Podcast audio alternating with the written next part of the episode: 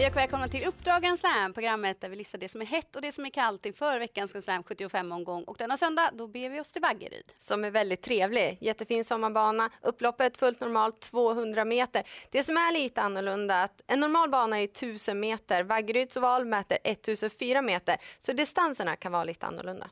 Och en aktiv som känner till Vaggeryds ovalen väl, det är hemmatränaren Henrik Johansson.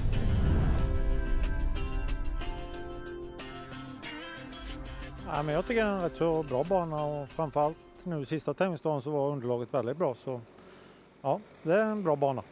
Finns det några egenheter som en spelare behöver tänka på? Ja, jag vet inte egentligen. Det är, kommer man långt bak och ska gå i sista sväng så det är långt men det ser inte vara längre än någon annan bana. Men det känns lite långt eh, så helst ska man väl inte gå i spåren kanske. Det känns lite extra långt på Vaggeryd alltså? Ja det gör det, just i sista sväng där. Starten, eh, volt versus auto och så vidare, plats och utrymme? Ja men det är gott om plats. Så, och auto det, ja, det är som alla banor, det är inget konstigt.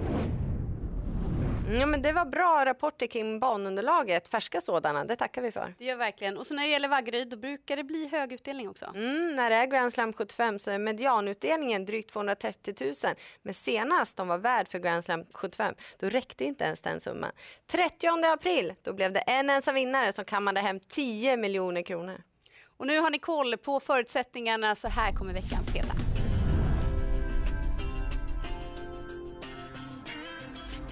Vi börjar i den första avdelningen med nummer sju, Andover Heaven, som har två lopp i kroppen nu. Jag tycker att han gick starkt som trea bakom två bra hästar på Charlottenlund senast. Formen är starkt på gång, han är startsnabb, han trivs allra bäst på kortdistans och han står perfekt inne i loppet sett till insprungna pengar. Spåret är absolut lite långt ut på vingen, men jag tror att han är bra nog att vinna det här loppet. Och Thomas Malmqvist, han har ju väldigt bra snurr på stallet. Det såg vi inte minst i Elitloppshelgen då han roffade åt sig i storloppen. I den andra avdelningen då har han ett spännande nyförvärv i nummer 11 Hyacint Brick. Visserligen är enda segern tagen från ledningen, men hon har gjort eh, väldigt bra prestationer även från till exempel utvändigt om ledaren. Känns som att det är rätt modell av häst och jag tycker hon räknas tidigt trots sitt bakspår.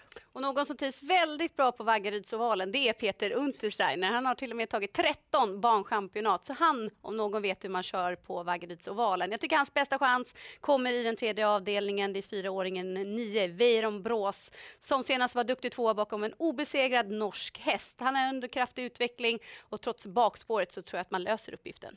Och i den femte avdelningen då vill du prata om en häst som är väldigt svår att veta var man har. Ja, det är nummer fyra Luxury River som har en väldigt tråkig programrad och mycket galopper så hon är inte att lita på. Men senast blev hon faktiskt störd till galoppen så den bryr jag mig inte om. Ser vi till insatsen senast inför galoppen, då var hon jättebra. Trots en tuff resa så var hon trea i mål. Så fungerar hon på söndag, då kan hon absolut vinna det här loppet.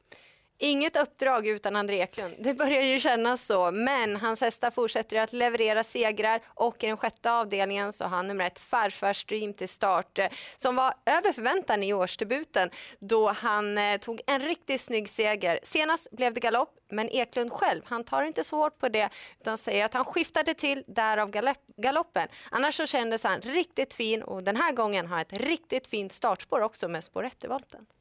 Och nu ska vi lyssna till veckans profil som är Thomas Urberg och så här säger han om söndagens chanser.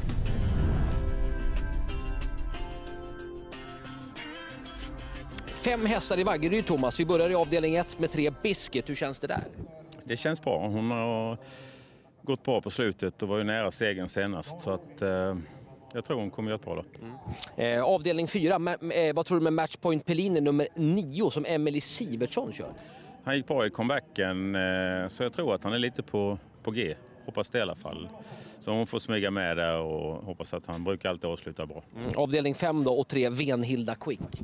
Ja, hon har ju varit jättefin på slutet så det är inget som tyder på att hon är sämre nu. Så det är väl kanske min bästa chans på söndag. Mm. Kobus Olifant nummer 10 i avdelning 6 då?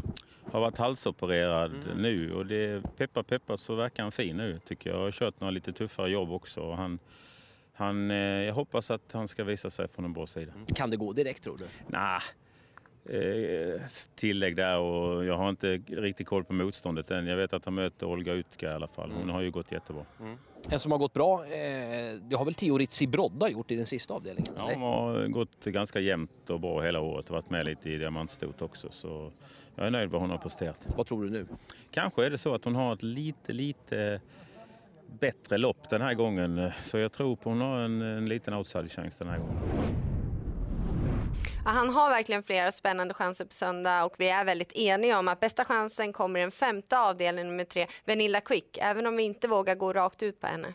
Nej, med de här segrarna nu så har ju också tjänat rätt så snabba pengar och jag har ju pratat med varm nummer fyra Luxury River i den avdelningen så att jag vill gardera.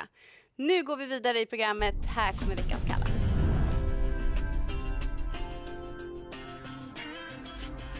Vi börjar i den fjärde avdelningen med nummer 10 Madhill som är väldigt kapabel för det här loppet. Men tre lopp i år har resulterat i tre galopper och inför senast då han har pausat nästan fyra månader men fick ändå inte travet att fungera och galoppen kom i sista sväng.